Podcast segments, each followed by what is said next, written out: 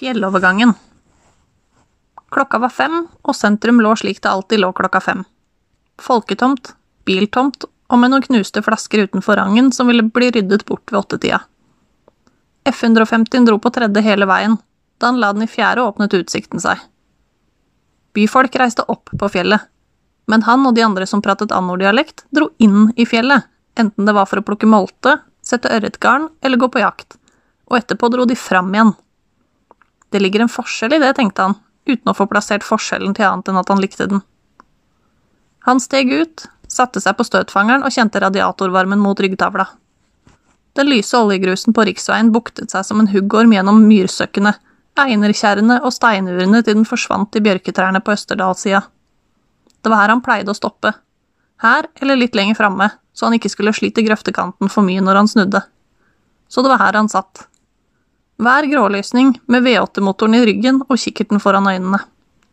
Stedet passet både med solrenninga og avstanden til stasjonen, og han måtte ha denne turen, for det var alltid verdt det når han fikk øye på en bil gjennom kikkerten. Som oftest hadde folk bare kjørt bensintomt, men de kunne bli på gråten av glede når de fikk se ham.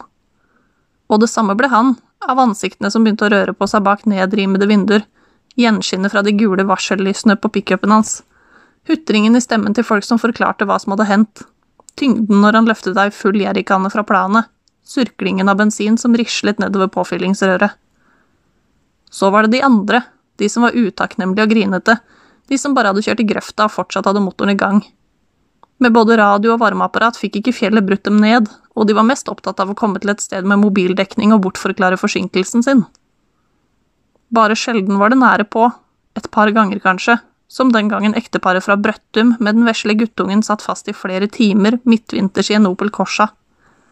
Han hadde stuet alle inn i F-150-en, satt varmeapparatet på fullt og kjørt ned i bygda med Corsaen på slepp. I leiligheten hadde han stekt egg og karbonade til alle tre, bedt dem holde fyr i vedovnen mens han reparerte bilen. Julekortet fra dem lå vel fortsatt i en skuff på kontoret. Men nå var riksveien tom, slik den pleide. Gjennom kikkerten så han ei enslig reinsimle tråkke over steinura. Senhøstes hendte det han så flokker på flere hundre dyr krysse veien. Simla stoppet, glodde på ham med et tusen år gammelt blikk. Han tok kikkerten fra øynene. Så korttenkt han hadde vært i går. E6-trafikk her, flere hundre biler i timen som føk over de eldgamle tråkkene? Det gikk jo ikke. Snart kom protestene. Langtrukne, overspente leserbrev i Gudbrandsdølen, harme telefoner på kveldstid til veisjefen på Lillehammer.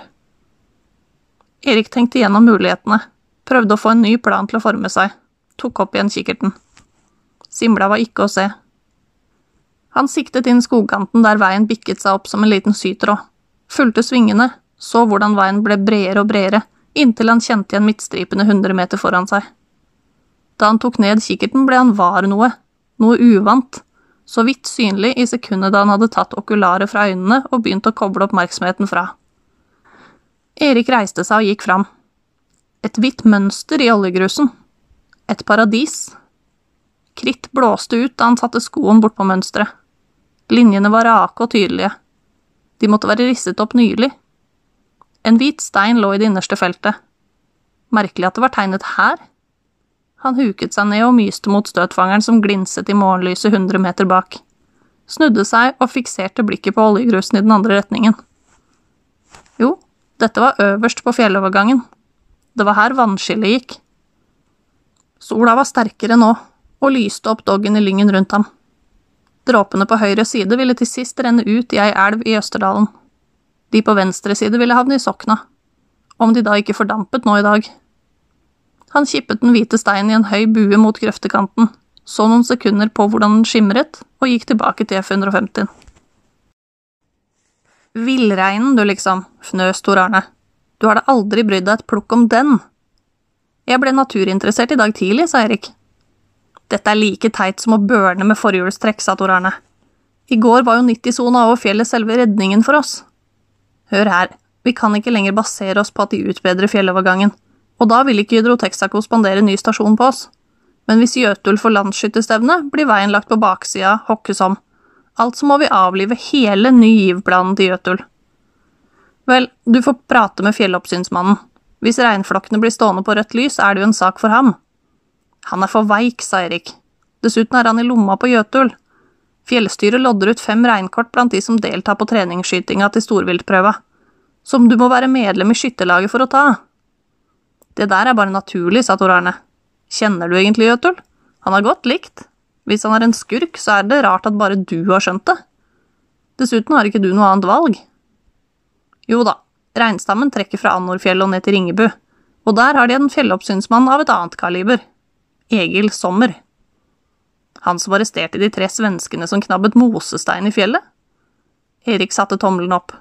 Sommer er kar for å slåss med primadonnaene i Vegvesenet. Spørs om han gidder å høre på deg, sa Tor Arne, du er jo utabygds. Erik oppdaget Snortlund ved bladhylla. Enten hadde han gått om vaskehallen, eller så var han blitt lydløs. Jeg forhandler om noe dere vil selge mye 98 til, sa Snortlund. Peugeot 604, prøvde Erik, og så seg i speilet. Litt skjeggstubb, men presentabel nok til å oppsøke folk i Ringebu. Vel, ikke at det skulle så mye til for det.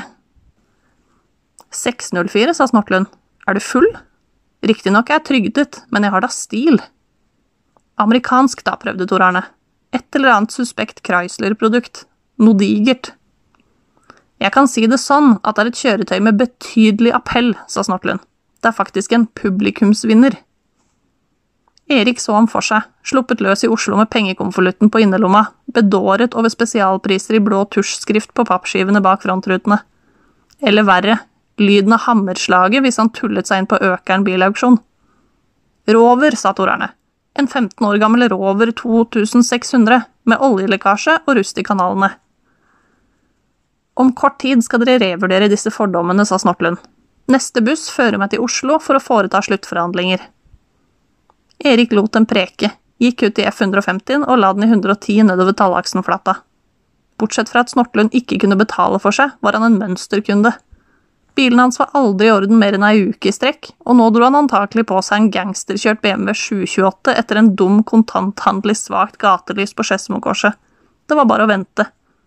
Snart kom han til å stå utenfor verkstedet med labradorøyne og tigge om at Erik i hvert fall kunne prøve, da, og feilsøke en innviklet elektromekanisk injection-modul. Billigst mulig, ikke sant? Dashbordklokka var halv to. Hvis ting gikk i orden i Ringebu, fikk han kanskje tid til å kjøre til Lillehammer. Det var sjelden han så dem etter at de flyttet. Mora hadde ringt i går, sagt at hun hadde lest om veiomlegginga, spurt om det gikk greit. Han hadde svart ja. Han svarte alltid ja når hun spurte om det gikk greit og han visste med seg selv at det ikke ble tid til noe besøk. Framover ville stasjonen trenge ham mer enn de gjorde. Langt nede i tatersvingene fikk han et glimt av en bil med en diger, forkrummet grill. I neste sving så han den bedre. En kobberfarget GMC Stepside, antakelig fra slutten av 50-tallet. Han husket hvor dille han hadde hatt på disse pickupene da han var tenåring, men gløden sluknet vel et sted på veien, antagelig lå den i en krok i den delen av voksenlivet han kunne greid seg foruten. Midtveis i selve tatersvingen passerte de hverandre. Jo da, en 1958-modell. Og i et langt sekund, mens ettermiddagssola blusset i sokna og blank billakk svisjet forbi, så han rett inn i et ansikt han gjenkjente. Erik stirret i bakspeilet, stirret så lenge at F-150 begynte å riste. Han nærmet seg sokna. Et hjulpar var i grøfta, rattet han kjente så godt var stritt og motvillig, som en skremt hest. Bilen ville lenger ut, men med et krafttak fikk han vrengt rattet til venstre, og på asfalten ble F-150 seg selv igjen. Ansiktet i den kobberfargede pickupen var ikke til å ta feil av. Håret var ikke lenger tuggete, kjakene ikke så runde som de hadde vært, men selv gjennom refleksene i bilvinduet hadde de satt ham fast. Røyskattøynene til Tora. Tora. Tora Grundtvig. Tora som flyttet den sommeren, flyttet til mora nordpå tok hennes etternavn og ble Tora Landstad. Siden hadde de sett hverandre hvert femte år på Sødorp gjestgivergård, på gjenforeningsfestene til Rødrussen. Sist kom hun i en rar, fiolett kjole en halvtime før festen var over. Erik hadde hengt ved tappekrana, sett på gamlekjærestene som satt nese mot nese over halvliteren og pratet om gamle dager. Tenk at du trodde jeg var med henne? At du gadd å bli sammen med ham etterpå? Ikke vær sånn, det er jo dritlenge siden, snart fire år. Men det var ikke tenkelig at han og Tora skulle sitte slik. De fjæret fra hverandre som minuspolene på to magneter, uten å snakke med hverandre, uten sår. Og etterpå var hun ikke å se ved garderoben eller på parkeringsplassen, Ingenting. Bare en varm Gudbrandsdalssommer og noe fiolett som hadde mørknet i natta. Erik slakket av ved 60-sona, stoppet ved apoteket for en kar med rullator, dro forbi stasjonsplenen og parkerte ved oppslagstavla til idrettslaget. Ringebu sentrum midt på dagen var nokså likt Annor sentrum midt på dagen. Mopedister durte forbi uten å se seg for. Gårdbrukere tråkket inn på kolonialforretningen til Kåre Sørlien. Slaskete niendeklassinger som skoftet skolen, rekte rundt med skinnryggsekker over den ene skuldra. Å alliere seg med nabobygda var jevngodt med høyforræderi, men ringbyggingene var ikke de verste. Litt rivalisering var det selvsagt, slåsskamper på fest og krangel om fiskekort, men de oppførte seg ikke så snobbete og blærete mot anordølene som vinstraværene gjorde.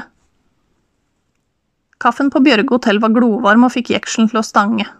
Faen, så måtte han altså rotfylle likevel. Erik slurpet kaffen på den andre sida av munnhulen og prøvde å finne noe kløktig å si til fjelloppsynsmannen. Det gikk ikke an å bare buse inn og preke om 90-soner. Eller kanskje? Serveringsdama ga ham en halv kopp attpåskjenk. Tegnet på at han hadde sittet over tida. Erik gikk inn på optikkforretningen til Flekkøy for å spørre seg fram. Bra kikkertutvalg her, tenkte han.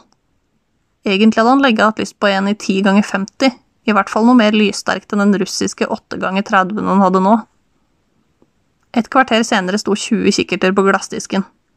Flekkøy klødde seg på kjaken, hentet enda en fra bakrommet og sa Swarovski. Ja da, tolv år gammel, men maken til optikk. Hadde egentlig tenkt å ha den selv, men du vet.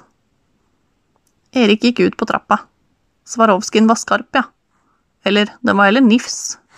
Nede i nabogata, gjennom vinduet på parfymeriet til Bastine Trøstaker, så han ei flaske Old Spice bli pakket inn. Hold den av et par dager, sa Erik og spurte hvor fjellstyret hadde kontor. Døra sto åpen. To karer og ei dame satt med ryggen til. Alle hadde militærbukse. Dama leste villmarksliv. Erik gjenkjente Sommer, som satt med linjal og målte maskevidden på noen fiskegarn. Antagelig beslaglagt etter mistanke om tjuvfiske. Gjaldt trekninga av reinjakta, sa Erik. Ingen reiste seg. Den er over for lenge siden, sa dama. Jeg var satt opp som reserve, løy Erik. Du er utabygd, hører jeg, sa dama. Bare to fra Anor fikk jakt i Ringebufjellet i år, sa Sommer, og lot det skinne gjennom at det var for syns skyld. Etter en stund reiste han seg, bladde sakte i ei liste. Navnet? Fyksen. Nei, finner deg ikke noe sted. Har du med brevet? Regnet med at dere hadde papirene i orden, sa Erik. Det er staten som har utabygdstrekninga. Må ha skjedd en feil. Sommer la bort lista, sa verken vent litt eller ha det, lot Erik stå der mens han gikk bort til de andre og dro opp ei knitrende matpakke. De skjenket seg kaffe fra hver sin bølkede ståltermos. En med Remington-klistremerke, de to andre Saco. Skal vel klare å holde ut dette året, sa Erik. Når 90-sona kommer, vil jo flokkene holde seg i Annorfjellet helt til oktober. Sommer skulle til å ta en kaffeslurk, stoppet. Si det der en gang til, sa han og satte koppen rolig ned. Vegvesenet i Norge er så egenrådig at jeg blir sjuk, sa Sommer et kvarter senere og skjenket Erik mer kaffe. De er mer arrogante enn tollvesenet, det er nå min klare påstand. Men hvis de vil legge motorvei midt i området til reinstammen min, skal de fordømme meg få det stritt. Har du hørt om Verneplan 318? Nei, sa Erik. Bra, for den er til høring nå. Har håp om å få den vedtatt neste høst. Rangerer naturressurser så høyt at vi antagelig kan blokkere veiutbygginga du prater om, men bare over fjellet. Nyveien til Annor får du bale med selv. Erik kjente dagen lettende. Så husket han invitasjonen fra Ellen Lysaker og minte seg selv om at tilskuddet til ny stasjon hang i en tynn tråd hvis hun fikk nyss om verneplanen. Av litt forskjellige årsaker, sa Erik, er det fint om du kan vente to–tre uker før det blir offentlig at du vil krangle med Vegvesenet. Hm, snøftet Sommer og børstet knekkebrødsmulene av kamuflasjebuksa. Dette er absolutt første gang jeg møter en bensinstasjoneier som vil slippe mer trafikk. Han halte opp ei fillete notisbok fra lomma. Jaggu så kuriøst at det nesten er verdt et jaktkort. Ikke fritt dyr, selvsagt, men hva med en kluftbukk? Var det ikke så at trekninga hos staten var over? Du er i Ringebu nå, sa Sommer. Her er det jeg som er staten.